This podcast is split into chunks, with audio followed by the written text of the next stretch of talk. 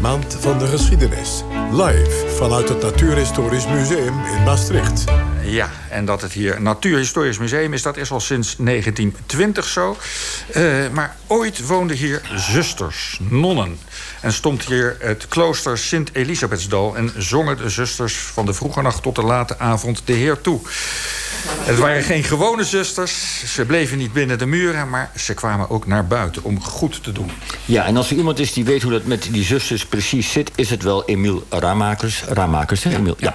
Welkom, Emiel, stadshistoricus, werkzaam in de Stadsbibliotheek... schrijver van de historische atlas voor Maastricht... of van Maastricht, moet ik zeggen natuurlijk... en van het boekje Een kleine geschiedenis van Maastricht voor dummies. Die wonen kennelijk hier of die komen hier op bezoek.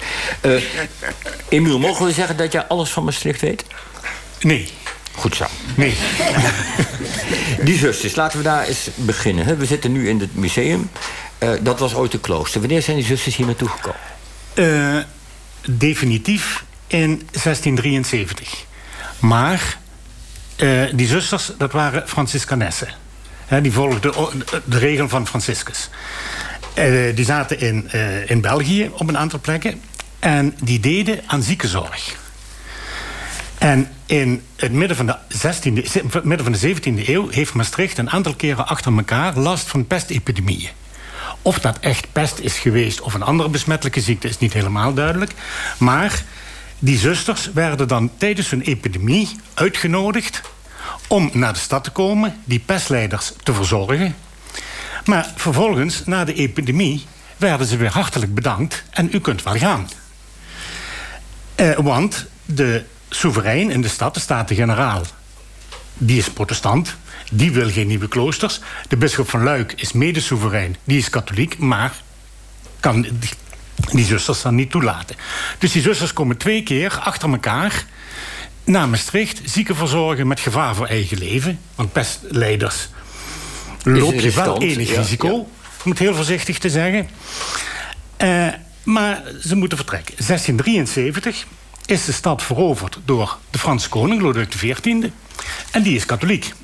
Breekt even later weer de pest uit. De dames mogen weer komen. En de Franse koning zegt dan... jullie mogen blijven. Ja. En ze krijgen dan een, uh, dit huis eigenlijk, het huis Tas. Ja. Waar we nou zitten. Klopt het dat zij ook grauwzusters genoemd ja, ze worden grauwzusters genoemd... Uh, omdat ze gewoon een, grijze, uh, een grijs kleed aan hebben. Dat is grauw. Ja, en, en wat, wat voor zusters zijn dat dan? Want we hebben vaak het idee van, nou ja, dat, ze doen goed werk. Ze, ze blijven niet in het klooster opgesloten, we gaan er ook uit. Waren dat, net als die waar we het eerste uur over hadden... hadden we het over rijkere dames die in een dorpje in Torren wonen. Wat waren dit? Dat, dat, zijn twee totaal verschillende nou, werelden. vertel. Uh, die grauwzusters, dat zijn eigenlijk uh, dochters van... Uh, middenstanders hier uit de stad en uit de omgeving. En ze hebben wel enige opleiding. Hè, want ziekenzorg doe je niet alleen maar een paracetamolletje voorschrijven... maar eh, je moet wel weten wat je doet. En ook zeker als je met besmettelijke ziekte omgaat... moet je heel precies weten van nou, dit kan ik wel doen... maar ik moet vaak genoeg mijn handen wassen en ik moet er niet... Hè, eh, dat, dat weten ze. En uh, ze krijgen dan ongetwijfeld ook wel steun van artsen en zo. Ze zullen ongetwijfeld gebeden hebben. Ze hebben hier een kapel en er is dan een pater die voor de, de zielzorg voor hen doet. Maar uh, ze worden gewoon echt in hun overeenkomst ook met de stad staat... jullie doen aan ziekenzorg en jullie vangen zinneloze vrouwen op. Krankzinnig, zinneloze vrouw. Zinneloze vrouw. Ja. En uh, er zijn zelfs bepalingen eh, dat uh, ze ook mannelijke pestleiders mogen, moeten verzorgen. Behalve als die te dicht uh, hun op de huid gaan zitten. Dan mogen ze ze weigeren. De kerk voorzag en alles. En dat, dat zijn dus... Ze zijn overigens niet de enige die dat doen. Want wij, wij kwamen ook een naam tegen. Dan moet je me even zeggen of het ergens op slaat. Want weten wij veel. Elisabeth Strouwen. Dat, dat zou Stroeven. Stroeven. Oh, iedereen roept het hier al. uh, dat, was, dat, nou, dat was geen non. En die was voor die tijd al als, liep hij als een soort moeder Teresa... Uh, zieken te verzorgen hier in Maastricht, of niet? Ja. En hoe kwam dat dan? Wat, wat was dat voor mens, vrouw? Mensen zien op een gegeven moment vanuit hun... Uh, in, in de stad dat er behoefte is aan uh, ziekenzorg, aan, aan, aan, zorg voor armen, dat soort zaken. Uh, vanuit hun geloof vinden ze dan dat zij daar iets aan moeten doen.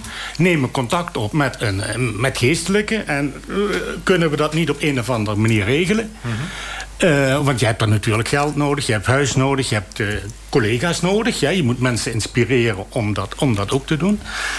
En uh, zo zijn er verschillende kloosters in Maastricht ontstaan. Verschillende regels, verschillende ordens. die zich onder andere met ziekenzorg en met